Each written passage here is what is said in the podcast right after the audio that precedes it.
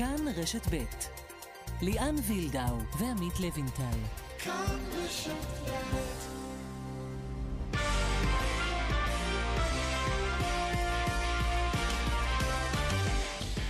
כאן ספורט, שלום לכם. נבחרת ישראל בכדורגל מסיימת את החלון הראשון של קמפיין מוקדמות המונדיאל ברגשות מעורבים. הפסד, תיקו וניצחון על מולדובה אמש, אבל הרבה ביקורות על הדרך ועל המאמן. מיד ראיון עם הקפטן, ביברס נטחו, שגם אומר דברים קשים על הביקורות נגדו, נגועה בגזענות, לטענתו. נהיה גם עם ההישג של הפועל חולון בכדורסל, רבע גמר בליגת האלופות, וגם עם חזרת ליגת העל בכדורגל, הכל מיד. שלום עמית לבנטל. שלום ליאן וילדאו. תשמע, יש לנו הרבה ביקורות על הנבחרת ואיך שהם שיחקו, ו- ואנחנו רואים מה קורה בתקשורת, אבל צריך להגיד את השורה התחתונה. הארבע נקודות האלה שהשגנו בשלושת המשחקים, זה מה שאנחנו שווים. זה גם מה שאני חייב להגיד, אני ציפיתי משלושת המשחקים, ארבע, חמש נקודות, ולשם הגענו. אה, אז בסופו של דבר, אחרי כל הרעש הגדול, ישראל עם ארבע נקודות, וצריך להגיד, נקודה מהמקום השני, שם נמצאת סקוטלנד. אנחנו לא בעמדה כזו גרועה. מפיקת המשדר אורית שולץ, הטכנאי באולפן בבאר שבע שמעון דוקרקר, אריאל מור בירושלים, אמיר שמואלי בתל אביב, כולנו איתכם עד חמש.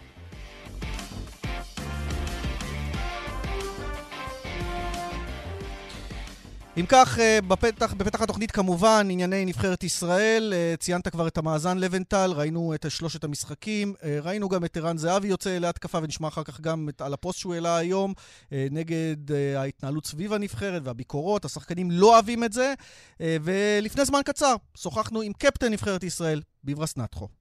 שלום, שלום. איך אתה יוצא מהשבוע די מטלטל הזה, אה, גם מבחינת הביקורות, ואנחנו שומעים את שחקני הנבחרת לא אוהבים את זה, גם ערן זהבי בפוסט, גם אתה אמרת את מה שהיה לך להגיד. אז איך אתה יוצא מבחינת התחושות מהשבוע הזה? קודם כל, אה, מה שמסביב, כן, גמרנו את זה, שזה קצת, אה, אני חושב, יצא מפרופורציות לצד השלילי, וחבל. כי מבחינת כדורגל דווקא היה שבוע, בוא נגיד, שאפשר לך, להגיד שהוא היה שבוע לא רע. התחלנו עם דנמרק, שזה נבחרת לפחות בשתי רמות מעל הבית שלנו. ואני חושב שהיה משחק שנכון שהם היו יותר טובים איתנו ויותר מסוכנים, אבל כל המשחק היינו שם והיו רגעים גם שהיינו קרובים להשוות. ומשם נגד סקוטלנד, אני חושב מחצית ראשונה, אולי אחת הטובות שלנו בשנים האחרונות, וחבל שלא הצלחנו להוציא מזה יותר. ואתמול, אתה יודע, בסופו של דבר, אחרי מחצית שהיא פחות טובה וקשה מאוד, קשה מאוד לפתח משחק טוב במגרש כזה ועם התנאים שהיו, בסוף לצאת עם, עם שלוש נקודות וארבעה שערים. אני חושב שצריך להסתכל על זה כמשהו שהוא יותר חיובי מאשר איך שמסתכלים כרגע. מה, מה אתה מרגיש שהביקורת היא אינטרסנטית, ביברס? כי בסוף, בוא נדבר אמוציונלית של אוהד, הוא אומר, וואלה, נגד דנמרק לא בעטנו לשער, נגד סקוטלנד פספסנו, כי באמת, כמו שאתה אומר, היה מחצית מעולה וברח הניצחון, ונגד מולדובה הייתה מחצית באמת רעה מאוד, ומחצית השנייה מצוינת. אז מה, הביקורת היא אינטרסנטית, או שאתה חושב שהיא באה ממקום אחר? אם, אם היו מנתחים משחק, אתה יודע, משחק, כל משחק לגופו, והיו אומרים... אה, אוקיי, נגד דנמרק, נגיד, אה, כמו שאמרת, היינו אה, כן מסוכנים, אבל לא הגענו, היינו כן במשחק, אבל לא הגענו למצבים מסוכנים. אז זה ביקורת, זה ביקורת לגיטימית, או נגד סקוטלנד, למה לא הבקענו במחצית השנייה יותר משער אחד, ולמה במחצית השנייה באמת הייתה יותר ירידה ביכולת. זה ביקורות לגיטימיות, זה ביקורות שיכולות להישמע, אבל אתה יודע, כשזה, יש, כשזה כבר עובר להרגשה שהביקורות הן נגד המאמן בכוונה, וזה בא מאנשים ש, שהיו במקום שלנו, ולא הצליחו יותר מאיתנו כל כך. אה, נגיד את זה בלשון המעטה, ולהעביר ביקורות כאלה. אז מה, אייל ברקוביץ' שמבקר את הנבחרת, זה מה שמפריע לכם, אייל ברקוביץ'? שלמה שרף, כן. להגיד שזה בושה ולהגיד שזה ביזיון ולהגיד דברים כאלה, אתה יודע, זה קצת רחוק מהמציאות. אז אתה יודע שבגלל שווילי לא... לא מה, בוא נקרא לזה מהקומבינה, אז אה, קל, קל לרדת וקל להיכנס בו. אני חושב שקצת כבוד לא יזיק לנו, זה, זה, זה העיקר. בוא, בוא נדבר קצת על, ה, על הנבחרת עצמה. אתה לא חושב שיש קצת קיבעון עם המערך הזה, ש, שבעצם אין, תוכ... אין פלן בי לנבחרת מבחינה הזאת, שגם כשאנחנו בפיגור, אנחנו נשארים עם שלושה בלמים ולא משנה נגד מי אנחנו, אין איזה עוד מערך שמתרגלים אותו באימונים? תראה, אני בטוח שלווילי יש פלן uh, בי, uh, זה בוודאות. אה, אבל ווילי כרגע מאמין בשיטה מסוימת שהוא חושב שכרגע, עם חומר השחקנים שיש לנו, הוא, הוא השיטה שיותר מתאימה לנו. נגד דנמרק להיות בפיגור ולעבור לשני בלמים, זה יכול להיגמר ב-4 ו-5-0 גם. זה אתם גם צריכים להבין את הסיטואציה. אבל נגד מולדובה... אבל אני מדבר על נבחרות, אתה יודע... מה, אבל מה הבעיה נגד מולדובה? מחצית ראשונה היה פחות טובה, אבל אנחנו כן אה, אה, הגענו ל, ל, לשליטה של המשחק בעשר דקות האחרונות של המחצית, איך שרצינו. וכנראה שאם אנחנו תוקפים, אה, פותחים עם שלושה בלמים ועם שתי מגינים גבוה, ומשאירים את ערן זהבי ואת מונס דמור בחוד, זה, זה השיטה שכרגע הכי מסוכנת לנבחרת ישראל, מאשר לשים את מונס בצד או את ערן בצד, אה, להגביל את אלי דסה שכרגע הוא באמת בפורמה מצוינת. אז מחשיבה של מאמן, הוא מאמין בשיטה, הוא מאמין בדרך הזאת, וזה הדרך שהוא חושב שכרגע הכי טוב. ברגע שהוא יחשוב אחרת, אני בטוח שהוא יחליף, אבל כרגע זה מה שהוא חושב, הוא הולך איתה. ומעבר לעניין המקצועי, הציוותים והמערכים, הוא גם הולך איתכם. כלומר, הצוות שהוא מאמין בו, ראינו גם את החיבוק האמיץ שלך, היה חשוב לך לתת לו את הגב בחזרה, נדמה לי, בתום המשחק אתמול, או אחרי השער שלך. אה, כן, אני, היה חשוב לי שהוא, כי הוא באמת, בכל הרגעים ששחקנים היו צריכים אותו, וגם אני באופן אישי, הוא תמיד אה, אה היה מאחורינו, נתן לנו את הגב. אז uh, אתמול הרגשתי שזה קצת הגיע, הגיע לו, כי יום לפני במסיבת עיתונאים אני הרגשתי קצת לא נעים עם השאלות, uh, אתה יודע, ביקשו ממני להעביר ביקורת על מאמן כשאני יושב uh, לצידו במסיבת עיתונאים, זה קצת חרה לי, אז הרגשתי אתמול שזה משהו שהוא כן ייתן לו את, ה, את הרוח מהצד שלנו. אני רוצה לשאול אותך ברמה האישית שאלה, אתה יודע, יש, גם במשחק מול סקוטלנד, הבנתי שהיה איזה כמה אנשים שרקו בוז ביציע לכיוון שלך, יש עליך, אתה יודע, אתה הביקורת הזאת, הקבועה. האם אתה חושב שזה, ממה זה נובע? אם זה בגלל שאתה מזוהה עם הפועל, בגלל שאתה בן מיעוטים, אה, בגלל שאתה מטרה נוחה, אתה הקפטן? מה אתה חושב שזה נובע?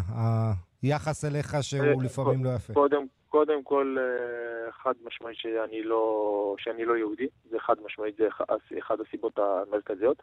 והסיבה המרכזית שאנשים יושבים כל היום באולפנים, ואתה יודע, מסיבות גזעניות אני גם אגיד. כל היום מכרסמים, מכרסמים, מכרסמים. וכשאתה אומר לאנשים כל הזמן רע, רע, רע, בסוף הם גם חושבים רע, גם אם זה פחות אה, אה, צודק או... או או לפעמים גם אה, צודקים. מה, ביברס, רגע, אני, אני, רוצה לזק, אני רוצה לזקק. אתה אומר, אם היה קפטן יהודי, הביקורות היו אחרות לקפטן? לא היו את אשכול הסימני שאלה האלה, או הסימני קריאה שכל הזמן זורקים לעברך? במאה אחוז. טוב, אז, אז, אז לא התקדמנו הרבה במובן הזה. אה, חשבנו שאין גזענות במגרשים, הכדורגל מאחד. אתה אומר שבמקרה הזה זה לא המצב. לא, לא, בואו לא, לא ניתמם, אנחנו רואים מה, מה, מה קורה ואנחנו יודעים, ולצערי זה גם, אה, אתה יודע, לא רק בכדורגל, אה, המצב שלנו קצת אה, באמת הלך לכיוון הלא חיובי. אבל בוא, בוא נדבר גם כן, אני יודע שיש לך ביקורת עצמית גבוהה. בסוף היו לך גם הופעות לא טובות, אני חושב שאגב, דווקא בחלון הזה היו לך שתי הופעות לפחות טובות מאוד. אגב, היה סיכום שאתה משחק שעה, לא משחק שעה, או שזה שטויות? אתם ראיתם שווילי עומד בסיכום? אז כנראה שלא היה סיכום.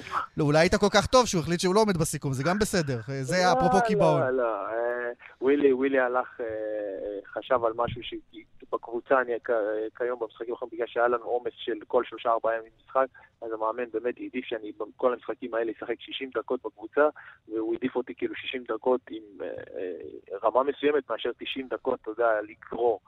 אז אה, זה היה תקופה מסוימת ששחקתי 90 דקות, אז ווילי חשב שהוא, אתה יודע, זה, זה האזור שאני אשחק בו, אבל הוא יודע, כשהוא היה צריך יותר. ועל הביקורות, ביברס, איזה ציון אתה נותן לעצמך? אתה יודע, תהיה רגע פרשן, כי הפרשנים אתם כועסים עליהם, אז תהיה רגע פרשן, איזה ציון אתה נותן לעצמך בקריירה הארוכה כל כך שלך בנבחרת, ועברת את, את כל המאמנים האחרונים? למעשה? תראה, אה, בנבחרת אה, אין ספק שיותר קשה לי לבוא לידי ביטוי מאשר בקבוצות ששיחקתי בהן. זה ברור כי בכל הקבוצות שהייתי בהן הן היו דומיננטיות בצורה משמעותית, ובנבחרת לרוב אנחנו מתגוננים, אה, וגם אם כששיחקתי בנבחרת רוב, התפק... רוב הבקשות של המאמנים והצורך של המאמנים היה שאני אנהל את המשחק, ולפעמים גם מאחורה, ו... ואני מסכים איתם דווקא, כי זה מה שכרגע אנחנו צריכים בנבחרת. אז נכון שהייתי פחות מסוכן לשער, ואתה יודע, אה, אני לא שחקן שעושה דריבלים ודברים כאלה, אז יכול להיות שלעיני העין, אתה יודע, הציבורית אני פחות אה, נעלם ופחות... אבל אם נלך מספרים יבשים, אה, מסירות מסוכנות, יצירת מצבים, אני חושב שלאורך כל הקמפיינים הייתי ב... ב, ב לפחות בשלישייה הראשונה. אתה אז גם... מצד אחד, גם... כן, אתה... אני כן מצפה מעצמי יותר, אבל אני חושב ש... לא כמו שמציירים את זה. אתה גם, ביברס, אני אעדכן אותך אם אתה לא יודע, מבשל המוביל בנבחרת במאה ה-21 עם 14 בישולים, זה יותר מיוסי בניון, שהוא הבא אחריך אה, בקטגוריית המבשלים בנבחרת. אה, אני רוצה לשאול אותך ב- על ווילי, לחזור לנקודה הזו. תראה, היה לנו את אנדי הרצוג ואז ווילי, ונשארנו עם אותו מערך. מה בעצם השתנה מהתקופה של אנדי לעומת עכשיו התקופה תחת ווילי? תראה, בגדול הם ב- בראש בסוג של אותו, עיקר, אותו רעיון, אותו עיקרון, אה, אבל אתה יודע, כל אחד זה אישיות אחרת, מביא דברים אחרים, את הדברים הקטנים, שזה גם תוך כדי תקופת זמן, אתה יודע, יש דברים ש, שמשתנים, במיוחד בנבחרת, שאתה כל שלושה, ארבעה חודשים רק נפגש. אה, אבל בגדול הם הלכו על אותו רעיון ועל אותו גישה. ומרקו, אה, ההשתלבות של בלבול אה, כעוזר מאמן בנבחרת, הוא ככה מוסיף לכם עוד איזה אימפקט כי- ברמה הטקטית? כי גם או- פה כבר קראו לו, אני קורא כותרות, תעזוב את הנבחרת, מה שמים אותך ביציע, מה אתה סקאוט, כל מיני כאלה. תראה, אני בכל הקבוצות ששיחקתי בהן, המאמן, העוזר מאמן הראשון, המאמן השני נקרא לזה, תמיד ישב למעלה ב- ביציע והסתכל מחצית ראשונה, אתה יודע, אה, וירד במחצית לתת אה, למאמן פידבק משם, כי לפעמים מלמעלה רואים דברים אחרת, וזה מקובל. רק אצלנו בישראל, אתה יודע, אה, תמיד אה, זה, דברים כאלה לא מקובלים, וכאילו זה פוגע ב- ב- ברמה של מרקו. אה, אבל לשמחתי באמת אה, מרקו, אני חושב, השתלב, אה, השתלב מצוין. אה, נכון שזה היה באמת אה, תקופת זמן קצרה, אבל אה, הרגשנו אותו, ואתה יודע, אה, לפעמים יותר נוח לך בגלל השפה גם אה, לגשת ולדבר איתו. אה, ואני חושב שזה אחלה, אחלה ציוות לצוות הזה, שהוא באמת, אה, אני רק יכול להחמיא לו כרגע. ביברס, משהו שבכל זאת העלה תמיהה, בעיניי לפחות, מבחינת ההרכב הפותח, אה, דווקא הזדמנות אולי מול מולדובה, שהיא נבחרת קצת יותר חלשה, לתת הזדמנות לצעירים, אה, אלה שזומנו לסגל, במיוחד כשיש עומס משחקים, כלומר שלושה תוך שבוע זה באמת קשה, ודיברנו קודם על הדקות. אה, עד כמה הם מרוויחים בכלל מזה שהם רק בנבחרת? עבדה, בלוריאן, כאלה שלא שיחקו בכלל, למרות שהיו יכולים לשחק במשחק הזה. אה, תראה, כשאני הגעתי לנבחרת ישראל, אה, היה לי הרבה זימונים שבכלל לא התלבשתי, אפילו לא, לא הייתי בסגל. אה, אם זה עם דרור קשטן, זה, זה חלק מתהליך שהם צריכים לעבור. אה, לזרוק אותם עכשיו למים, אה, לא כולם יכולים אבל אם לא מול מולדובה, מול מי? סבלנות. זימון ראשון שלהם, לא קרה כלום, הם, הם, הם חוו את החוויה, הם התלבשו, הם היו במגרש, הם, הם אה, נכנסו לתוך חדר הלבשה שלנו, הם, הם עדיין צעירים, יש להם מספיק זמן, אה, אני מקווה שכבר במשחקי אימון הבאים יהיה משחק אימון בסוף העונה. הם יקבלו דקות, אם יגיע להם כמובן. אה, לא צריך, אתה יודע... השאלה אם בפרטיזן ומכבי תל אביב אוהבים את זה שאני שחקני נבחרת שיחקו כל כך הרבה אה, תוך כדי פרק זמן כל כך קצר. צריך להגיד, אתם... כן, אתם תשע נקודות מהכוכב האדום שמובילה את הטבלה, אה, תשע נקודות פיגור כמובן, אז... 18, עם 18 ניצחונות רצופים. לגמרי. זה אומר משהו. אבל יש להם מאזן כמעט מושלם לכוכב האדום, מה לעשות. מי שמכיר פה את הליגות יודע איך זה. מתנהל לצערי. אה, טוב, אז, אז בוא, בוא, אתם צריכים לעניין אתכם, הנבחרת, הקבוצה תדאג לאינטרסים שלה, זה ברור, אבל אני רוצה לשאול אותך גם על המיקום. בסוף אנחנו מקום שלישי כרגע לפני אוסטריה שספגה תבוסה בעצמה מדנמרק. זה המאבק, 3-4, זה, זה מה שצפוי לנו. יהיה פארו, זו המשימה הבאה אי שם בספטמבר. אם תש- אם היית שואל אותי לפני אה, תחילת הקמפיין, הייתי אומר שהמקום הריאלי שלנו, שאני חושב שאנחנו נילחם עם סקוטלנד על המקום השלישי, אה, ואם נסיים במקום שלישי זה יהיה מקום אה, ראוי, ראוי מאוד. אבל אתה יודע, זה בית והוא משתנה תוך כדי, דברים משתנים, וכמובן אנחנו כרגע קצת מריחים, אתה יודע, שאנחנו כן יכולים להיות במקום השני. אז אתה יודע, אם אנחנו נגיע למצב, במשחקים הבאים שאנחנו נהיה חייבים לנצח את אי פארו ואז יש לנו משחק עם אוסטריה, שאתה יודע, אה, זה יכול לקבוע המון. אז אם אנחנו נגיע למצב שאנחנו כן יכולים להילחם על זה, אני מבטיח לך שאנחנו נעשה הכל. אבל אם להיות אה, רגע בצד ולהיות ריאלי, אה, מקום שלישי זה יהיה מיקום ריאלי מאוד לנבחרת ישראל ומיקום לא רע בכלל. ביברס נטחו, קפטן נבחרת ישראל, תודה רבה. תודה, ביברס. תודה, תודה לכם. הרבה כותרות מנתחו לבנטל אה, ברעיון הזה, בראש ובראשונה הטענה שלו שהביקורות האישיות נגדו הן הן נגועות בגזענות, שלקפטן יהודי אף אחד לא היה מתייחס כך, וזה עם תחושות סובייקטיביות אי אפשר להתווכח, גם אי אם אתה... אי אפשר, תראה, כן. אי אפשר להתווכח, וצריך, אתה יודע, אנחנו אומרים פה אישי, אבל תמיד בין האישי למקצועי, אין לך גבול, זה כמו הגבול בין גבעתיים לתל אביב, כן? אתה לא יודע איפה זה נמצא. והעניין הזה שאתה אומר ביקורת מקצועית, אז כן, נתחו פה ושם, יש לו, יש לו משחקים חלשים, והוא כבר הרבה זמן בנבחרת, ויש את האנשים האלה שאומרים, נו, כבר תביאו משהו חדש, נו, אולי הוא לא מספיק טוב uh, במשחקים מסוימים, הרבה משחקים גם שאנחנו ככה רוצים לראות את הנבחרת שלנו עושה צעד קדימה. יחד עם זאת, אתה לפעמים הוא, אתה יודע, הוא סוג של הקורבן הנוח, ואתה מרגיש את הרחש ביציעים, נוח לשרוק לו בוז, והוא מרגיש שזה בא משם. אה, ואתה לא יכול להתווכח עם מה שהוא מרגיש, וצריך להגיד, יש לנבחרת גם, אתה יודע, כולם אוהדים את הנבחרת, או לא רוצה להגיד כולם, אבל לכל מועדון יש אה, אוהדים, וחלק מהאוהדים של הנבחרת הם גם כאלה שאנחנו זוכרים לא מזמן, אה, באו אליו בטענות שהוא לא שר נפש יהודי הומייה, כן, את ההמנון, ודברים אחרים, ככה שאני יכול להבין אותו, יחד עם זאת, צריך להגיד את האמת ולתת את הביקורת המקצועית הקשה במקום. טוב, עוד אחד שלא אוהב את הביקורות הוא ערן זהבי, אה, שממשיך לתקוף, אה, תכף נשמע את הדברים שהוא אמר לנדב יעקבי אתמול בסוף המשחק, אה, משחק הניצחון, כן, מול מולדובה. היום הוא מעלה פוסט ברשת, כותב, הניצחון חשוב אתמול, האמת, אני בדרך כלל לא מתייחס לביקורות יותר מדי, אבל אני מרגיש שאנחנו חוצים גבולות, וזה נהיה טרנד לדבר כמה שיותר מלוכלך וכמה שיותר רע, כי זה תופס כותרות. יש לנו נבחרת אחת שצריך לאהוב אותה, בטוב וברע, ללא תנאים, זה אינטרס לאומי ותקשורתי. הציבור צמא למשהו אחר, מספיק עם כל הצביעות והרוע הזה. הוא כותב, ועוד ועוד, הוא גם רושם בהמשך, מספיק עם האינטרס, מספיק להאכיל את הציבור בדברים שהוא לא רוצה לאכול, ואולי נצליח ביחד לשנות משהו, לייצר תרבות אחרת. מה אתה אומר? אני אומר שאני קראתי את התקשורת הגרמנית היום, אתמול נבחרת גרמניה הובכה בבית, הפסידה לצפון מקדוניה, וחתכו שם את כולם, את המאמן, את השחקנים. ואתה יודע, צריך ללמוד לחיות עם ביקורת. צריך לזכור שאנחנו, גם באיזה תקופה אנחנו חיים. אנחנו חיים בתקופה שאנשים מחפשים לקושש לייקים ולכתוב דברים יותר קיצוניים, ומי יותר מצחיק כן. ומי יותר פרובוקטיבי. זה חלק מהעניין, והבולטות, אתה יודע, התקשורתית, כמובן בטלוויזיה רוצים לתת כותרות ותמיד לצעוק חזק. ויחד עם זאת, אני כן אה, מסכים איתו, שאתה יודע, מי שיושבים באולפנים הרבה פעמים וצועקים, מחזירים אותנו 30 שנה אחורה בכדורגל, אימנו פה לפני 30 שנה, ויש להם אינטרסים שונים, ואתה יודע, די דעות שגם שומעים אותם הרבה.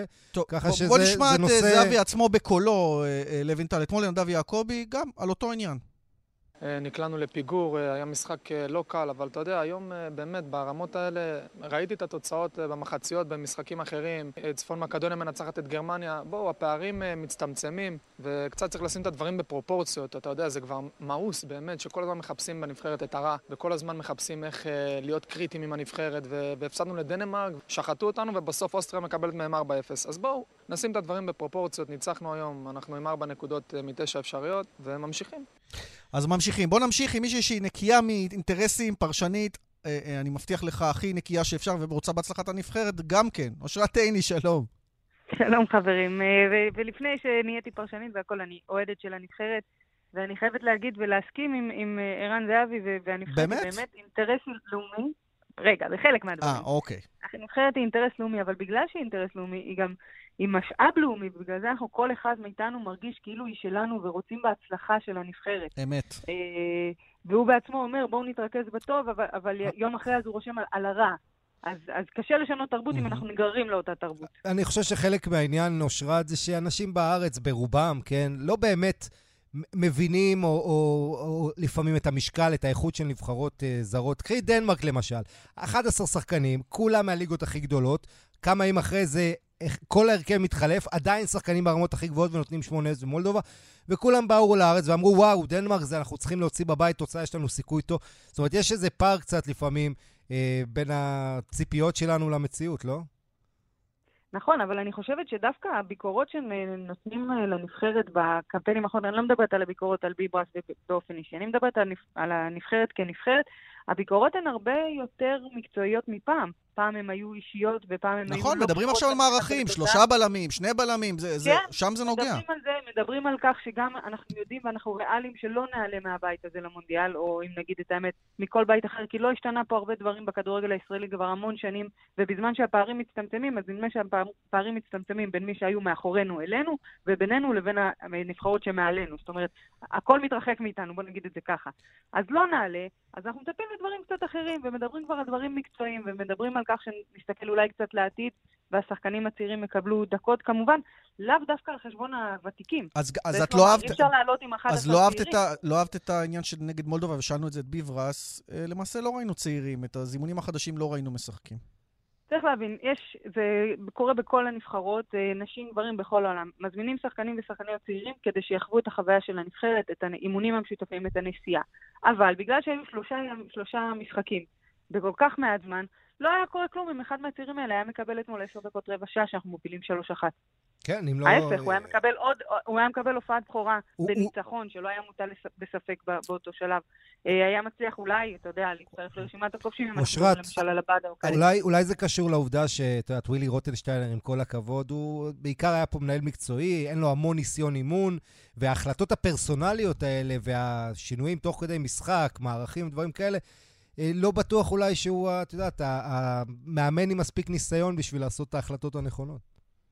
אני יכולה להסכים איתך ואני יכולה שלא, במקרה הזה אני מסכימה איתך, אבל שוב, אני רק רוצה לשים את הזרקור ולהגיד, תראה על מה אנחנו מתעסקים, על ניהול משחק וניהול סגל של אה, נבחרת, בהחלט ביקורת שהיא מקצועית והיא לגיטימית, כי כמו שאמרנו, מעבר לזה שאנחנו אוהדים של הנבחרת, אנחנו גם פרשנים, ואם אנחנו שמים רגע את הכובע המקצועי, אז היינו רוצים לראות גם דברים כאלה, היינו רוצים לראות גם את השחקנים הצעירים אה, נכנסים, גם ניהול משחק הרבה יותר טוב, אם ניקח למשל את ההבדל בין המחציות אה, נגד, במשחק נגד סקוטלנד, אז ראינו מה השינוי של מערך יכול לעשות אה, לנבחרת ואיך סקוטלנד התעוררו.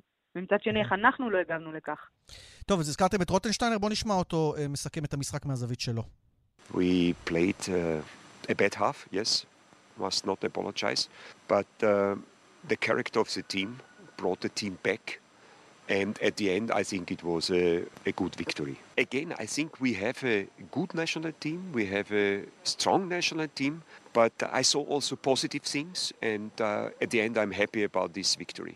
טוב, הוא מרוצה, ראה דברים חיוביים. הוא אומר, הייתה לנו מחצית ראשונה רעה, לא מתכחש, קשה להתכחש למה שראינו, זו הייתה מחצית רעה, וממשיך עם אופי וכולי. משפט סיכום שלך, אושרת, לגבי רוטנשטיינר, נדמה ש... אני לא משוכנע שימשיכו את ההתקשרות אם התוצאות ימשיכו להיות כאלה, גם למרות הגב שהוא מקבל לכאורה. אז שוב, אנחנו ניכנס לפרופורציה ולמקומנו הטבעי, אולי לא התוצאות, אנחנו צריכים להישפט, כן. לשפוט אותו יותר נכון, אלא על ידי הדרך ועל ידי שינוי שנעשה, כי ברור לנו שצריך שינוי ברמת הנבחרת, הנבחרות, ודווקא בתור איך הוא עשה עבודה נהדרת וטובה, והנחיל פה באמת נהלי עבודה ודברים מאוד מאוד מסודרים, כולל בקורסים של המאמנים. בתור מאמן, אנחנו עדיין לא רואים את זה, ואני בטוחה, אגב, שהמחצית הראשונה הגרועה שלנו מול מודובה מאוד הייתה קשורה למערך שלנו ולכך שהיינו עם פחות שחקנים באמצע ולכן הם יצאו להרבה מתפרצות והביכו אותנו, אבל לא יודעת, אני לא יודעת אם מותר להעביר ביקורת או לא. טוב, מותר, מותר, מותר וצריך, אגב, וגם אפשר לדבר... חוץ מזה אנחנו מדברים, כדורגל, מדברים כדורגל, הכל בסדר. ובמסגרת הביקורת גם, אתה יודע, תוך שישה ימים, לשחק שלושה, אנחנו לא ברמות הפיזיות הכי גבוהות, רואים את זה בכל משחק, ולשחק עם אותו הרכב בערך, לא יותר מדי שינויים, שלושה משחקים רצוף, אתה רואה גם קצת את העייפות. הפיזית והמנטלית במשחק האחרון. אני בטוחה, אגב, שכל השחקנים גם נתנו את כל מה שיש להם, וגם כאלה ששיחקו פצועים, וגם כאלה שבאמת אה, שיחקו המון המון דקות, אה, וזה משחק בינלאומי בקצב הרבה יותר גבוה ממה שהם רגילים בכל ליגה, אגב. אז אה, באמת אה, שאפו להם על המאמץ, וזה שסיימנו את זה בטעם מתוק עם ניצחון, זה גם עושה לנו הרגשה טובה. אושרת עיני, תודה רבה. תודה, תודה לכם. אה, נצא רק תמונת הבית, אם לא הזכרנו, דנמרק עם לא תשע נקודות, למעשה מאזן 14-0 בשערים. אפשר להגיד שדנמרק הנבחרת הכי קרובה להיות, בואו נגיד, בטוחה במונדיאל. כי הראשונה עולה באופן אוטומטי, השנייה יש לה אולי עוד שלב, וזו סקוטלנד כרגע עם חמש נקודות, אנחנו במקום השלישי עם ארבע, כך גם אוסטריה שהובסה 4-0 על ידי דנמרק. אה, ויהיה פרו, שזו המשימה הבאה, ומולדובה נועלות את הבית עם נקודה אחת כל אחת. יש עוד איזה משחק אה, ככה במוקדמות המונדיאל שבא לך לומר אה, מילה או שתיים עליו, לבנטל? כן, קודם כל... היה 8-0 ו-7-0 כן. וכל מיני תוצאות מוזרות. אני חושב שהכותרת שלי מששת הימים... קודם כל יש כמה דברים. קודם כל העובדה ששיחקו שלושה משחקים וראינו אתמול את העייפות ביומיים האחרונים. זה לא פשוט לשחקנים, בטח, אתה יודע, זה שחקנים שגם משחקים בקבוצות שלהם הרבה, אבל ראינו פה שני, שתי תופעות סותרות. מצד אחד, ראינו את בלגיה מנצחת 8-0 אה, משחק אחד, ראינו את הולנד עושה 7-0 בגיברלטר, ראינו את השמינייה כמובן של דנמרק בבית שלנו אצל מולדובה. אה, ויחד עם זאת, אתה רואה שהנבחרות הגדולות התקשו. ספרד, ככה היה לה שני משחקים שהיה לך קשה, כולל תיקו עם יוון. אה, בלגיה, תיקו עם צ'כיה, שהיא לא, אתה יודע, נבחרת טובה, צ'כיה. גרמניה הפסידה אה, לצפון גרמניה, מקדוניה. זה, זה הכותרת הגדולה. עצומה, כן. אה, ההפסד של גרמניה לצפון מקדוניה, ואתה רואה שהולך קשה, שגם, אתה יודע, יש, יש אלמנט של עייפות, יש אה, לא מעט קשיים גם עם הקורונה בתקופה הזו והכל. אה, אני חושב שבסופו של דבר אנחנו נראה את הפייבוריטיות הגדולות במונדיאל, אבל הדרך לשם לא תהיה חלקה לרובן. אגב, לוינטל, יוצאת איזושהי ידיעה גם אה, אה, מוופא שיאפשרו סגלים יותר רחבים ביורו, כי מבינים שבתקופת קורונה יש בעיה ונגרעים שחקנים ועומס של משחקים, אז יכול להיות שיאפשרו סגלים יותר רחבים מטורנירים רגילים. זה גם מעניין. אה, זה קהל ב- כבר יהיה, אנחנו- זה אנחנו יודעים. כן, ואנחנו עוד לא יודעים בדיוק, אתה יודע, צריך לחכות יותר קרוב למועד עצמו, לראות אה, איך, איזה מסגרת אה, תאפשר כניסת הקהל. אבל תיקח לדוגמה את איטליה, אתמול שיחקה נגד ליטא, ניצחה בקושי 1-0, אבל איטליה ניצחה, אבל אחרי המשחק מתברר ששני שחקנים בליטא עם, היו עם קורונה. עכשיו אנחנו חוזרים לליגה, עוד, יום, עוד יומיים שלושה כבר יש ליגה איטלקית, אז אתה יודע, זה גם יכול להשפיע לכאן, אז אה, בואו נקווה שהיורו יעבור, אה, יעבור ב, ב, בוא נגיד בשקט מבחינה בריאותית. טוב, בוא נהיה עם עדכוני התנועה, ואחר כך אה, גם לענייני כדורסל. דרך 90 אה, צפונה עמוסה מבית זרע עד צומת צמח, דרך 92 עמוסה מצומת מעגן עד צומת צמח. עדכונים ודיווחים נוספים חייגו כוכבית 9550 או באתר שלנו. פרסומות קצרות, ואחר כך נהיה עם הפועל חולון, המשך העונה האירופית החלומית, רבע גמר היסטורי בליגת האלופות, מיד. כאן ספורט, ענייני כדורסל עכשיו, הפועל חולון רושמת הישג שיא באירופה בליגת האלופות, מעפילה לשמינייה האחרונה, וזה כשנותר עוד מחזור אחד לשלב הבתים הנוכחי. מנצחת אמש את ברינדיסי בהערכה, הקבוצה האיטלקית החזקה הזו, 81-79, סל אה, ניצחון של מקסים דזהו, אחרי מסירה פנטסטית של גיא פניני מבחוץ. אה, תרגיל יפה של השניים הללו נותן את הניצחון לחולון. איתנו עמית שרף, עוזר אה, מאמן הפועל חולון, שלום עמית. אהלן, מה נשמע? בסדר גמור, תראה, ראיתי את המאמן דדס, והוא הודה ביושר ויפה אה, היום. אה, תשמעו, חבר'ה, לא תכננו את התרגיל הזה בסוף. השניים ככה בקשר עין, צריך לתת להם את הקרדיט. לפעמים אה, אה, המאמן רק נותן את התוכנית הכללית והשחקנים עושים את העבודה. כן, אה, לגמרי. עמדנו בצורה שאנחנו יודעים לעמוד בה בסוף שניות, אה, בשש כמה שניות אחרונות, לא היה לנו טיימאוט, השתמשנו בטיימאוט לפני שהכדור יצא החוצה, והכל היה שם תקשורת בין אה, פניני למקסים, וזה היה הקול שלהם. זה היה מדהים. ופניני זה סיפור סיפור. הבחור ווינר, אין מילה אחרת לתאר אותו. פעם אחרי פעם, אם זה לא שלשה במאני טיים, זו מסירה גדולה. מטורף. המשחק הראשון בברינדסי בחוץ, שהוא נתן לנו את כל המומנטום, הוא כלל שלושה ב... רגע, עמית, אתה נקטע לנו, בוא תזוז קצת, כי אתה נקטע לנו, אנחנו שומעים אותך אה, לא באופן רציף. אתה איתנו? עכשיו יותר טוב? כן, כן. בבקשה. אה, כן, אמרתי, המשחק הראשון בברנדיסי בחוץ, שנתן לנו את כל המומנטום, הוא כלה שלושת ניצחון. בקרשיאקה, שהיינו במינוס 15, הוא כלה שוב, אחרי 0 מ-9, כלה שתי שלושות מכריעות, ועכשיו המסירה הזאתי. אה, מדהים, זו חוויה להיות איתו, אני שמח שיש לי את ההזדמנות הזאת, ומה שהוא נותן לנו לקבוצה, הביטחון, וזה שאנחנו יודעים שיש לנו שחקן כזה, ווינר כזה, נותן המון לקבוצה. כן, ובכלל בחדר ההלבשה, אני מניח, הוא דמות מאוד דומיננטית שם, ולא רק על המגרש. מאוד, מאוד. הניסיון, השנים שיש לו בכדורסל והדברים שהוא עבר, אה, מקרינים בכל דבר שהוא עושה, גם אם הוא מתכוון, גם אם הוא לא מתכוון. וזו חוויה אה, להיות אה, חלק מזה. עמית, ו... עמית, אני רוצה לשאול אותך כן. כמה, עד כמה הצלחה במסגרת האירופית נותנת לכם drive ואמונה שאתם יכולים גם, אתה יודע, לעשות אולי אליפות בארץ, או בטח, בוא נגיד, להסתכל למכבי ולגדולות האחרות בלבן של העיניים? משבוע לשבוע, גם מה שקורה בליגה, גם מה שקרה בגביע, וגם כמובן מה שקורה באירופה, אנחנו מרגישים שאנחנו משחקים את הכדורסל הכי טוב שאנחנו יכולים, ואנחנו בהחלט לא מתביישים לדבר על זה, שאנחנו רוצים לסיים את העונה הזאת עם תואר.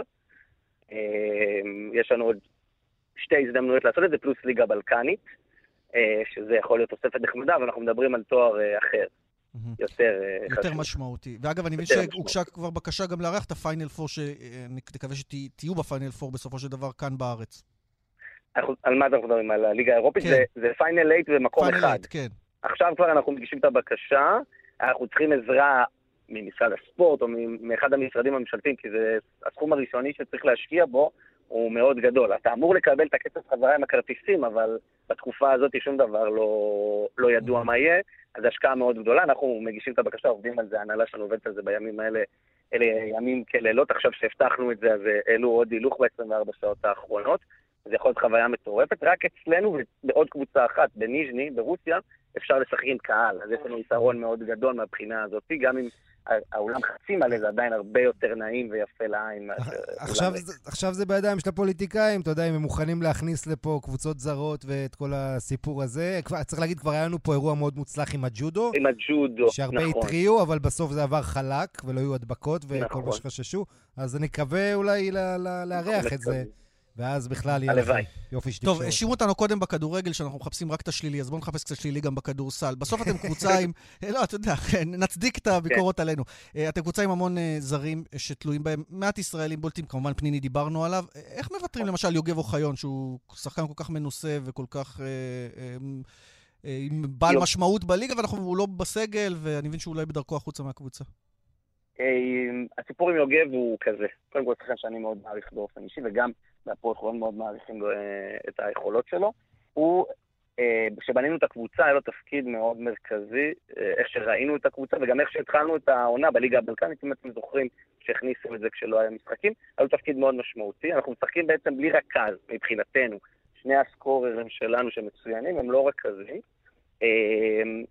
ויש לנו רק רכזים ישראלים. עכשיו, יוגב נפצע, לחודש וחצי, שזה הפר, הוא חזר לשב, לשבועיים, משהו כזה, ואז לעוד חודשיים. הוא היה שלושה וחצי חודשים בחוץ, ונאלצנו להסתדר בלעדיו, הבאנו בזמן הזה גם את uh, ניב משגב, עודד ברנדווין קיבל את הדקות ואת ההזדמנויות. פרדי בורדיון הגיע גם, שהוא לא רכז, אבל הוא נתן לנו עוד דקות uh, של ישראלי קשוח, שעולה ונותן... Uh, אז מה, לא נשאר מקום טובות. פשוט ליוגב? זה מה שאתה אומר? והקבוצה רצה, וכשהוא חזר, זה לא הייתה כניסה חלקה חזרה לעניינים. יש שם, אה, יש שם כמה דברים שצריך לפתור, אני עוד לא יודע מה יהיה בסוף, אה, בסוף עם הסיפור הזה, אבל זה, זה הסיפור, אנחנו, אה, אנחנו בנינו לו תפקיד, בנינו לו תפקיד מאוד מרכזי. העונה לכדורסל יש את החוקים משלו, שחקנים אחרים קיבלו חלק מהדקות האלה, ואני עוד מקווה שדברים עוד ישתנו, העונה עוד ארוכה מבחינתנו. גם ניב מסתיו נפצע עכשיו, שבועיים לפחות שהוא בחוץ, אבל זה נכון שיש לנו הרבה, הרבה זרים מצוינים, אבל יש לנו גם ישראלים שאנחנו סומכים עליהם ועושים פעולות זאת וניצחו משחקים. עוד ינצחו לנו מעבר לפנימי. תגיד, החלפת את דדס בשנה שעברה כשהוא לא היה יכול לחזור לכאן בגלל הקורונה תקופה מסוימת, וחזרת עכשיו לפוזיציה של העוזר. מה הבחור הזה? הוא נראה מטורף ככה, במובן החיובי, לפעמים הלא חיובי, מבחוץ. הרבה אנרגיות, המסיבות עיתונאים שלו מעניינות, צריך להגיד, אה, לא קלישאתיות. כן. אה, מה אתה לוקח ממנו כעוזר מאמן? כי הוא היה מאמן אלמוני, צריך להגיד גם את זה. הוא היה מאמן בטורקיה, בקבוצות שדרג ביניים, עשה פלייאוף פעמיים, לקח קבוצה לצ'מפיונס ליג, התחיל בליגה, היה עוזר בטורקיה, התחיל בליגה שנייה בטורקיה, עלה לליגה הראשונה, שם הוא שם מאוד מוכר, גם בטורקיה, גם ביוון. אה, לא בשמנת, לא בטוב של אירופה שכל אה, אחד מכיר, אה, אבל עכשיו אני מקווה שהוא יעשה איתנו את הצעד הזה. קודם כל מאוד מעניין, כי כל מה שעובר לו בראש יוצא החוצה, אין, הוא לא חושב על מה, על מה צריך, אין פילטרים.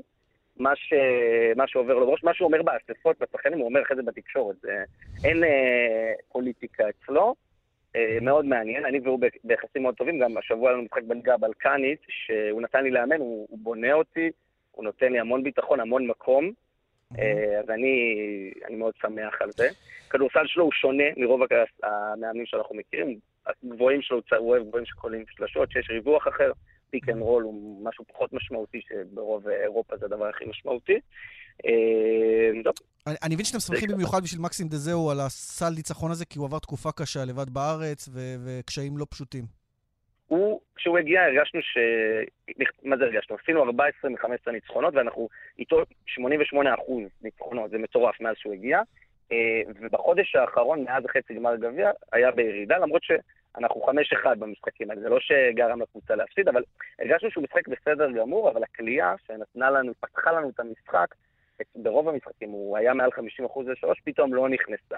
אותו השחקן בדיוק, אבל כשהכלייה לא נכנסת, כן. הביטחון קצת ירד, ובמשחק הזה שוב הוא היה במשחק מבחינת כליאה לא טוב, הגנה מצוינת, mm-hmm. וקריאת מצבים ומסיבות. זה מצחיק, כי דדס במסיבת עיתונאים אפילו אמר, הוא היה לא טוב בהתקפה, הוא אמר פניני היה לא טוב בהגנה, אין לו בעיה להגיד את זה, אבל נכון. נתנו, לנו, את הניצחון. נכון, וראינו בשמחה שלו, אני לא יודע אם ראיתם איך הוא רץ אחרי זה, שכמה זה היה חשוב לו ואיזה אושר היה לו, ואני מקווה שזה יוציא אותו, שהוא לא יחשוב כבר יותר על הזריקה. כל פעם שאתה מחליט, כל פעם חושב על הזריקה האחרונה. עכשיו, אחרי שהוא הביא לנו את הסל ניצחון הזה, אני מאמין שהביטחון שלו יחזור. אה, ויחזור לכלייה שלו, שבאמת זה, זה הדבר היחיד שזה חשוב, אבל שהשתנה בחודש האחרון. עמית שרף, עוזר מאמן הפועל חולון, תמשיכו להצליח. תודה, עמית. תודה רבה לכם. והזכרנו את דזהו, אז הנה, תשמע מה הוא אומר, למה הוא משווה את ההרגשה של כסל הניצחון. And you know, with the experience of Guy, I just had to put the ball in the basket, and that feeling after was like a striker in football scoring a goal. טוב, זה לא דזהו, זה המאמן דדס שאומר, נתתי את הכדור לניסיון, פשוט לתת לשניים המנוסים, לפניני את הכדור ביד ואת המסירה לדזהו, והוא שם את הסל. והזכרנו מה הוא אמר קודם על ההגנה לא טובה של פניני וההתקפה לא טובה של דזהו, אבל זה לא משנה, לא צריך לתת קרדיט למאמנים, הם עשו את העבודה.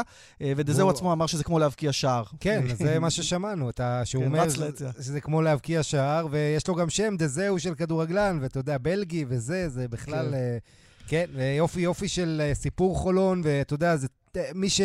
אתה יודע, מרוויחה מזה גם הרבה זה מכבי תל אביב. כי אני חושב שהדבר הכי טוב שיכול לקרות למכבי תל אביב, לאו דווקא על העונה הגרועה שלה באירופה, אני מדבר, אבל בכלל שעוד קבוצות בארץ גם יצליחו באירופה. נכון, מסכים איתך. וזה, אני חושב, צעד ראשון טוב בדרך. טוב, זהו עם האייטם הזה. אנחנו עוברים אה, לליגת העל בכדורגל, והפלייאוף מתחיל בסוף השבוע, לא הספקנו לנשום מהנבחרת, כבר פלייאוף עליון. אה, אנחנו עם מכבי תל אביב מול הפועל באר שבע, מכבי חיפה מול אה, מכבי פתח תקווה, אה, ומשחק נוסף אה, שקורה בשבת בתחתון, הפועל חדרה מול הפועל תל אביב, ובשבת מועדון ספורט אשדוד מול עירוני קריית שמונה, אשדוד מהמקום השלישי בטבלה כמובן, גם קריית שמונה השתכלה יפה לפלייאוף מהמקום הרביעי, ואיתנו אחד השחקנים הבולטים באשדוד, רועי גורדנה, שלום. אהלן חברים, שלום. תשמע, תחושות טובות, אתם הפתעת העונה בלי שום ספק. אה, לא יודע אם הפתעתם את עצמכם, את, את כולנו כן. אה, את האמת שגם אנחנו לא, לא בדיוק אה, חלמנו להיות בנקודת זמן הזאת, במקום שאנחנו נמצאים בו, ביכולת שאנחנו מראים, אבל אתה יודע, משחק למשחק, צברנו ביטחון, יש uh, תחושה עם רן שאנחנו כן יכולים לעשות איזה משהו טוב העונה. ברוך השם עד עכשיו שהולך טוב, אז רק שיימשך. היית שחקן כזה שהבטחה גדולה, ואיכשהו הפכת הפועל תל אביב, הפועל באר שבע, אחרי זה היה לך הרפתקה קצרה בקרואטיה, בסלאבן בלופו, ונדמה שעכשיו, בגיל 30, עוד מעט בקיץ 31, אתה בעונת שיא שלך, אתה גם... כמעט לא יורד מהדשא, אתה שני בקבוצה בדקות משחק, תורם המון. אה, מה גרם לך להרגיש כל כך בנוח באשדוד? אה, קודם כל, תודה רבה. אה, דבר שני, ההגעה של רן, אחרי כל מה שהיה בשנה הקודמת, משהו שקצת עשה לי רע, אבל אה, בסוף יצא מזה טוב שרן הגיע. ורן הכניס אותי לשיחה קצרה ופשוטה, אמר לי, אני מאחוריך, לא משנה מה יקרה. רגע, תסביר לציבור המאזינים וגם לנו, מה היה שנה שעברה שערער אותך ומה השתנה? כל החילוף הזה בבאר שבע, אם אתם זוכרים, לא רוצה לחזור לזה יותר מדי, אני ככה בקטנה, היה חילוף, נכנסתי דקה... אני לא טועה, 61, משהו כזה, ויצאתי דקה 74. אחרי 13-14 דקות כבר הוציאו אותי. כן. אה, עם כל מה שהיה עם המאמן הקודם. זהו, רן הגיע, אמר לי שהוא מאמין בי וסומך עליי, ובאמת, אה, מהרגע שהוא הגיע, ישבנו הרבה על וידאו, תיקנו את מה שצריך לתקן, ויש לו חלק ענק בהצלחה. נדמה לי שגם הציוותים באשדוד, הכל כאילו מתחבר הפאזל, יש לך את שלומי אזולאי, אתם מתחלקים בנטל. אה, היה קודם את שגיב יחזקאל, הוא עזב, פתאום דין דוד. כאילו השלם הוא גדול מסך חלקיו. כן, זה אין ספק. אה, רן, אה, עוד פעם, אני חושב, אתה מחזיר אותי לרן, כי הוא בנה קבוצה שלא משנה איזה שחקן יצא, הקבוצה עדיין תמשיך לתת את, פחות או יותר את מה שהיא יודעת. נכון שיש שחקנים שהם יותר משמעותיים ויותר קריטיים בהרכב, אבל אתה רואה, אנחנו, יש לנו לפעמים חיסורים, ושגיב פתאום עזב בינואר, וטימותי נפצע כבר, הבלם שלנו, אוואני, כבר שלושה או ארבעה שבועות בחוץ, וברוך השם זה, אתה יודע, לא, לא מרגישים את החיסורים. אתה יודע, כולם מצפים שהפועל באר שבע תעבור אתכם בפלייאוף. כרגע אתם ביתרון שש נקודות, אה, ערב פתיחת הפלייאוף. מה, אתה יודע, הרבה קבוצות ככה בסדר גודל של אשדוד, שהן עושות את העונה נהדר עד הפלייאוף, אז הן מגיעות ככה בתחושה שכבר די עשינו את שלנו, ואז מתחילה הירידה. איך אתם מונים את זה? ממשיכים להיות ככה מקום שלישי? אה, חבל שלא, שלא באת לאספה שרן עשה ביום ראשון. הוציאו אותנו למגרש עם פנים, אה, אני לא אגיד כועסות, אבל אה, פנים רציניות, הוא אפילו לא הוציא חיוך במשך איזה עשר דקות. דיבר איתנו כמה חשוב לו וכמה החשיבות הזאת לכולנו, כן? כי יש שחקנים גם שמסיימים חוזה, ו... יש כל מיני דברים מתחת לפני הקרקע, כן? זה לא רק המשחקים ורק התוצאות. אז הוא נתן שיחה באמת 10-12 אה, דקות ממש אה, רציניות, שאף אחד לא יכול להוריד את הרגל מהגז, ומי שיעשה את זה פשוט לא יהיה באשדוד. אפרופו מסיימים חוזה ודברים מתחת לפני הקרקע, כבר שמענו, קראנו ידיעות שאתה מבוקש בהפועל באר שבע, שכבר היה לך סיבוב שם. אה, אגב, מוצלח, פשוט לא הסתדרת כל כך עם ברק בכר ועזבת. אה, יכול להיות שבשנה הבאה שוב תהיה בטרנר, או... מה יהיה בסוף השנה, אני באמת לא יודע להגיד. יש כרגע, מתחילים את הפלייאוף עוד מעט, אז uh, אמרתי לאנשים שסביבי שאני לא רוצה להתעסק בשום דבר עד שנעבור את הגביע למכבי תל אביב. ואחרי זה נראה מה, מה קורה. אבל זו עונת שיא שלך, נכון? גם מבחינה אישית אתה מרגיש שזו העונה הכי טובה שלך בליגת העל? אני, זו עונה שאני מרגיש בה הכי טוב פיזית שהרגשתי. הייתה לי בהפועל באר שבע עונה מצוינת עם אה, שבעה שערים, שבעה בישולים. הייתה לי עונה מצוינת עם בני יהודה שזכינו בגביע. היו לי כמה עונות טובות בקריירה שאני יכול להגיד שהן היו טובות, אבל בעונה הזאת אני מרגיש הכי טוב פיזית שהרגשתי. אני מרגיש הכי, הכי שלם מבחינת שחקן, גם מבחינת מחשבה, גם מבחינה פיזית על המגרש, וברוך השם רואים את זה. אתה עשית איזשהם שינויים במשטר אימונים שלך או משהו כזה בשביל להיות יותר fit כמו שאתה היום? כי אני זוכר בזמנו, דיברו עליך שחקן שלא כשיר ל-90 דקות, שאתה יודע, הוא צריך נכון, להחליף אותו, נכון. לא יכול לשחק 90 נכון. דקות, לא יכול למשוך. אז אה, מה מה עשית? כל, קודם כל שיניתי את התזונה שלי לפני משהו כמו שנתיים. אה, שיניתי את התזונה ממש מקצה לקצה. כמובן, תוספות של, אימוני, של אימונים, אימוני כוח, אימוני כוח רגליים, דברים ש... לא אגיד שפחות ייחסתי להם חשיבות, אבל דברים שאתה יודע, לא, לא מקפידים עליהם פה. מקצוענות, אתה אומר. לא עניין של מקצוענות, כי גם האימונים עדיין, המועדונים מאוד מקצוענים בישראל, אבל יש שחקנים שצריכים תוספות מסוימות וצריכים דברים מסוימים שיכולים להוסיף להם ברמה האישית. וזה מקרואטיה? צריך- אבל רועי, זה מקרואטיה או שבלי קשר לקרואטיה, שם לא, דווקא לא היו כל כך? לקרואטיה, זה לפני היציאה לקרואטיה זה כבר קרה לי, אבל uh, הקטע של התזונה וכל המסביב זה משהו בשנתיים, שנתיים וחצי האחרונות התחלתי לעשות, uh, ואני ברוך השם מרגיש עם זה טוב. מה. אגב, מה, מה, תן לנו דגשים בתזונה. מה, היית אוכל שווארמה והפסקת, או מה? לא, לא, לא, לא, אף פעם, אף פעם לא עשיתי שטויות בקטע של האוכל, אבל מצאתי דברים שהם יותר טובים לי לגוף. הפסקתי למשל, אה, לא הפסקתי לגמרי, אבל הורדתי ממש במינונים של המוצרי חלב, אני כמעט ולא נוגע במוצרי חלב, אה, ממש אולי פעם או פעמיים בשבוע. אה, לחמים אני כבר לא נוגע, שתייה מתוקה אני בכלל לא נוגע כבר משהו כמו חמש-שש שנים. כל מיני דברים שבמהלך הקריירה, אתה יודע, פחות ייחסתי להם חשיבות, אבל עם הזמן הפכו להיות יותר קריטיים. טוב, זאת הייתה פינת התזונה בחסות, לא סתם, אבל זה היה מעניין, כי זה באמת. מלמד, כן, מלמד על איך- איך משדרגים עוד קצת כן. יכולת. שחקן מוכשר הוא תמיד היה, והנה הוא מוצא גם את הדרך להיות פיזי אה, הרבה יותר כשיר והרבה יותר אה, שחקן שלם, כמו שהוא מגדיר את זה. רועי, אפרופו שחקן שלם, כבר דיברו על סף נבחרת, אתה אתה מרגיש שאתה שם? אה, אני שונא, אני לא אעשה את זה, אני שונא שחקנים שמדברים על עצמם בתקשורת, שהם רואים להיות בנבחרת. אני מאוד מאוד מאוד רוצה להגיע, וזה החלום הכי גדול שלי, אבל גם אם אני לא אהיה שם, אני אשאר האוהד מספר אחת של הנבחרת, ורוצה כל הזמן שהם יצליחו. הלוואי שזה יקרה, זה החלום הכי גדול שלי. אם אני ראוי או לא, מתאים או לא, זה, אתה יודע, אנשים צריכים להגיד. כל הכבוד לך על הצניעות, זה ראוי לפרגון באמת, אבל אה, בוא, בוא תגיד לנו מה אתה חושב על ההופעות של הנבחרת בשלושת המשחקים האלה. אני חושב שקל מדי להעביר, אני לא מדבר כרגע לא על המאמן ולא על ה... אני מדבר על הנבחרת כסך שלם, כ... כקבוצה אני רואה אותה, אנחנו... קל מדי לקרוא את השחקנים שם וללכלך עליהם ולדבר עליהם, להגיד כמה אנחנו לא טובים וכמה אנחנו לא ברמה, וגם כשמנצחים אתה שומע פתאום ביקורות לא טובות, אז אה, לא יודע, אני פחות מתחבר. לקטע התקשורתי בנושא הזה, לכל ה... לכל ה... נקרא לזה שליליות סביב הנבחרת. בסופו של דבר כולנו רוצים שהיא תצליח, לדעתי עוד פעם, זו דעתי האישית. וחבל שאנחנו עוד פעם, לא, אנחנו לא גרמניה ואנחנו לא איטליה ואנחנו לא ספרד.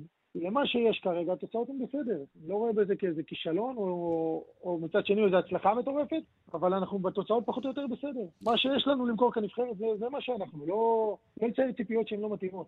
רועי גורדנה, אה, הרבה תודה, בהצלחה בהמשך, תמשיכו לספק כדורגל שמח, שזה בעיקר, בעיקר מה שמעודד, ואולי גם יבואו אוהדים בהמשך, כי זה חסר לאשדוד. שלא יעלה לכם, זה מה שאנחנו מאחלים לכם. לא, לא, לא, אתם צריכים לבוא לאספות של רן לראות שאין סיכוי כזה. תודה, רועי, בהצלחה. ביי חברים, תודה. טוב, עכשיו משהו אחר לגמרי. לבנטל, יצא לך לראות את הסדרה בנטפליקס על פורמולה 1? אה, כן, יש עונה שלישית, יצא לי לראות, עדיין לא הגעתי, ראיתי את הכל, אבל... אה, למי שחושב שזה סתם מרוצה מכוניות לא מעניין, כל האינטריגות, כל מה שקורה מסביב, הצילום, הכסף, זה פשוט מרתק. גם מרתק, ואיך שזה עשוי נפלא. זה דוקו, באמת כן? דוקו מצוין, והצילום הוא מרהיב, והם באמת עושים שירות אדיר לענף הזה, שסבל לא מעט בעשור האחרון, אתה יודע, אה, מקצת בריחה של קהל, מכל מיני סיבות, בייחוד במערב. ו- וזה אחלה, מחזיר אותו מאוד יפה, ככה, את הכבוד ו- ואת אור הזרקורים לענף הזה. ועונת הפורמולה אחת נפתחה אה, השבוע למעשה עם אה, מרוץ בחריין, ולואיס המילטון שוב מנצח, ואנחנו רוצים לשמוע אבל קצת על מה קורה בפורמולה עם דובי מילר, פרשן ספורט מו- מוטורי. שלום דובי. אהלן, מה העניינים? בסדר, אני מניח שגם אתה עקבת בעניין אחרי נטפליקס. אה, אז כן, ל- כמובן. לנו, שאנחנו לא ככה שוחים בחומר, זה, זה היה מאוד מאוד מרתק. תן לנו קצת בפוינטרים מה, מה ה highlight של העונה הזאת שנפתחה. תשמע, הסיפור הגדול זה היה בעצם מה שקרה שם בשתיים וחצי הקפות האחרונות, הקרב בין אה, ורסטאפן ללואיס המילטון. יצליח, לא יצליח, לעבור אותו, ואז העקיפה הדרמטית שם של, אה, של מקס ורסטאפן מבחוץ, מחוץ לתחומי המסלול. את לואיס המילטון. לואיס המילטון, למי שלא בקיא, ונגיד רוב המאזינים שלנו מה לעשות לא בקיאים, אה, אלוף העולם, לואיס המילטון, אה, ורשטפן זה הכוכב העולה, נכון? הכוכב העולה של קבוצת רדבול, וזה שמאיים עליו הכי הרבה על, העניין של התואר העולמי, מדברים עליו ככוכב העתיד, זה שינשל את, את לואיס מה, מהתואר שלו והכל. המרוץ הזה היה בשליטה של, של מקס ורסטאפן מהשנייה הראשונה. ממקצה האימון שהתחילו בבחריין שם, לתוך ה qualifying, הוא לקח את הפול פוזיישן, הוא זינק מצוין, ואז מרצדס תפסו את השליטה עם טקטיקה אחרת. בדרך כלל מה, ש, מה שאנחנו מכירים ממרצדס זה שהם דומיננטים, בדיוק. ואם קורה משהו הם אלה שמגיבים. מה שקרה פה הפעם, זה בעצם רדבול היו הדומיננטים, ומרצדס הבינו שבכדי להוציא משהו מהמרוץ הזה, הם צריכים להיות אלה שיוזמים, אלה שמשנים טקטיקה. הם הכניסו את המילטון להחלפת צמיגים מוקדמת לפני מקס ורסטאפן, רדבול טיפה התמהממו שם בהחלטה מתי להכניס את אה, מקס. המילטון זכה מההפקר. וניצח, אבל אני, אני, אני רוצה לקחת zoom out מה, מהמרוץ עצמו, כי זו עונה כמובן עוד ארוכה, היא רק התחילה. כן. אה, קצת על הדמויות, למשל, יש לנו את הבן של מייקל שומאכר, נכון? אה, ש, שמתחרה. תשמע, אני לא חושב שכרגע כן. הוא ממש ראוי לאזכור מלבד השם. הוא רק הגיע, רק התחיל, mm-hmm. צריכים לעזוב אותו בשקט. לתת לו, הוא סך הכל עשה מרוץ אחד, נכון, הוא נהג פיתוח באקדמיה של, אה, של פרארי, הרבה בזכות השם. כן. הוא נהג מצוין, שיחק אותה יופי שנה שעברה, אבל צריך לתת לו להוכיח את עצמו.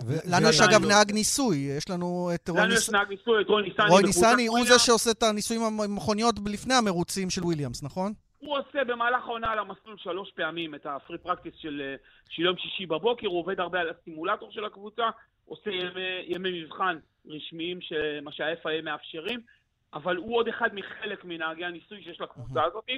אה, הוא לא הבחירה הראשונה, אבל הוא בהחלט מביא לנו כבוד. יפה, ואני חושב שאני רוצה רק לשאול אותך, מה התחזית שלך, אם תהיה לנו עונה יותר צמודה קצת מהעונות שבהן לואיס המילטון ככה דהר לאליפות בלי תחרות? המילטון צריך להגיד שבע פעמים אלוף עולם, אז אתה חוזה עונה יותר צמודה?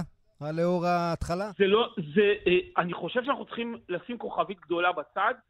כאילו, יש קורונה, אין קורונה. צריך לזכור, העונה הקודמת נפגעה מאוד מאוד קשה מהקורונה, התחילה מאוד מאוחר, לו"ז צפוף, פתאום אה, המילטון היה בבידוד, פספס מרוץ אחד, אז אנחנו צריכים לקחת את זה בחשבון. אבל אם אנחנו מוצאים מהמשוואה את הקורונה הזאת רגע, אז זה מוקדם מדי לתת הערכות. אי אפשר כן. לדעת כרגע מה יהיה הלאה, אנחנו רק התחלנו, כן. ימי האימון... יגיעו לאירופה, היו שינויים קצת במכוניות וזה, כן. זה מה שאתה אומר, עוד מוקדם להעריך. ממש מוקדם. כל מי כן. שיעריך עכשיו מה הסיכוי של אה, עונה של 23 מרוצים, מי יהיה אלוף, אה, זה, זה ירייה באוויר לגמרי. אבל, אבל שאלה, אחרונה, ש, שאלה אחרונה, בקצרה תענה לי, כי אנחנו לוחצים כן. בזמן, ככה במשפט. אה, שינויים טכנולוגיים הכי בולטים בעונה הזאת? במכוניות? קטנים, כי למעשה הכל מוקפא לטובת העונה הבאה. העונה הבאה צמיגים משתנים, הגודל שלהם עוברים ל-18 אינץ', טיפה שינויים במנוע, טיפה שינויים אווירודינמיים. אז העונה אנחנו נראה בעיקר את השינויים של הכנפונים הקטנים שישחקו עם האווירודינמיות. ראינו בבחריין שמשהו בממוצע של שנייה להקפה הם יותר איטיים מהעונה הקודמת. כן. המכוניות יותר איטיות טיפונת. טוב, ותעקבו בנטפליקס, יש עונה שלישית, זה סופר מעניין. מדהימה. דובי מילר, מדהימה. פרשן ספורט מוטורי, הרבה תודה. תודה רבה. ואנחנו ממהרים לליגה הלאומית, גם שם צמוד, אתה יודע, כן. יש את הפועל נוף הגליל, שאולי במפתיע מובילה את הליגה בדרך לליגת העל, 54 נקודות. הפועל ירושלים, קבוצת uh, האיחוד, מה שנקרא, 51 נקודות במקום השני. הליגה הלאומית גם היא משוחקת, למעשה לא הפסיקה uh, בפגרת הנבחרות. ואיתנו שחקן uh, נוף הגליל, דובב גבאי. שלום דובב. אהלן, חג שמח לכולם. שלום וגם מזל טוב, יש לך היום יום הולדת 34, נכון? נכון. אתה רואה, זה עיתוי. אפילו לא ידענו. אתה יודע מה הבעיה עם התאריך הזה, שאתה לא יודע אם זה אמת או בלוף, אבל אה, זה אחד באפריל. לא, לא, אצלי זה אמיתי, אבל עכשיו אמרתי לכם על זה. כן, עכשיו... כנראה את התאריך. תגיד, אה, דובב, אה, נוף הגליל, אתה שחקן עם הרבה ותק בליגת העל. נוף הגליל זה, זה מועדון שיכול להגיע לליגת העל ולשרוד בו? כי תמיד, אתה יודע, זה מועדונים האלה שעולים ויורדים. אני אגיד לכם ככה, מההיכרות שלי עם נוף הגליל, ששמעתי לפני, אני חושב שהוא מתנהל בצורה אה, מצוינת, ללא דופי. אה, שם אנשים חמים, מועדון מאוד מאוד מאוד מסודר, וכן, אין סיבה שעם התנהלות כזאת אה, להם מועדון בליגת העל. ואתה טוב. בעצם, ב... רק ת... אתה יכול לזוז קצת, לשפר את הקליטה, דובב, זה יעזור לנו. עברת בעצם בינואר מאום אל-פחם, מועדון שנמצא בתחתית בקשיים, למועדון שאתה יודע, פתאום בצמרת, מקום ראשון. אה, וזה, וגם שם היה לך קצת קשה עם הוא יוונית. הולך לשחק נגד האקסיט מחר. בדיוק, לא קיבלת דקות, אז אתה מחר מגיע למפגש מול האקסיט, ויש לך נקודה להוכיח לה, לא? אמ, קודם כל בכדורגל, בכל יום אתה צריך להוכיח, כי ברגע שאתה תפסיק להוכיח כבר לא יספרו אותך, ולא משנה מי אתה ומה עשית בעבר שלך. אבל אה, ספציפית דבר פה, שני... מה זה? אבל ספציפית פה, קבוצה שככה לא, הס- לא הסתדר לך העונה כל כך אה, שם, ויש לך אני הזדמנות. יכול להגיד לך שמאוד נהניתי באום אל-פחם במשך אה, השנה הראשונה. בשנה השנייה חווינו קצת קשיים, עליות ומורדות אה, ביני לבין הקבוצה. אה, אבל נהניתי מאוד אה, מהאווירה שם, מהקהל, ובאמת עשיתי עונה מצוינת. דובב, תגיד, אמ, שאלה אחרונה, הרמה בליגה הלאומית לטעמך היא גבוהה משנים קודמות או קצת ירדה? כי... אני חושב שבכללי הרמה שלנו בכדורגל ירדה. כן, ירדה. כן. כי? מיל... מילה ככה לפני אני סיום? חושב שמיליון סיבות, אבל אי אפשר לשים את האצבע על משהו אחד, פשוט הרמה ירדה. טוב, נרחיב על זה בהזדמנות אה, קרובה. רק נזכיר שהיית. סגן מלך השערים בליגה הזו, עונה שעברה עם 15, אז נאחל לך שעד סוף העונה תתקרב לזה. אולי שיהיה. בהצלחה. דובב, בהצלחה. תודה. תודה רבה. דובר. שחקן עם הרבה ותק בליגת העל, גם בהפועל באר שבע, מכבי פתח תקווה ועוד ועוד אה, קבוצות, חדרה כמובן. נכס אה, לכל קבוצה, בטח בליגה הלאומית. כן, אחלה בחור גם. טוב, אה, החמאנו לא מספיק. אה, לבנטל, אה, כן. אה, לפני סיום נזכיר אה, שוב את הכותרת, לפחות שהייתה במשדר הזה. אה, ביברס נטחו אה, טוען שחלק מהביקורות נגדו אישית הן ביקורות על רקע גזענות. וזה זה מה שאומר אה, נטחו, אה, ואני מניח שזה עוד נשמע עדים גם על, ה, על הסיפור הזה. כן, טוב, אה, בהחלט. אה, ו- נות- ונקווה, אתה יודע, ש... שעד... ה- שה... בוא נגיד עם כדורגל. שבספטמבר איכשהו הנבחרת כבר תראה יותר טוב בפגרה הבאה שלה. לבנטל, חג שמח, תודה רבה. חג שמח לך גם ליאן, גם מימונה שמחה שתהיה.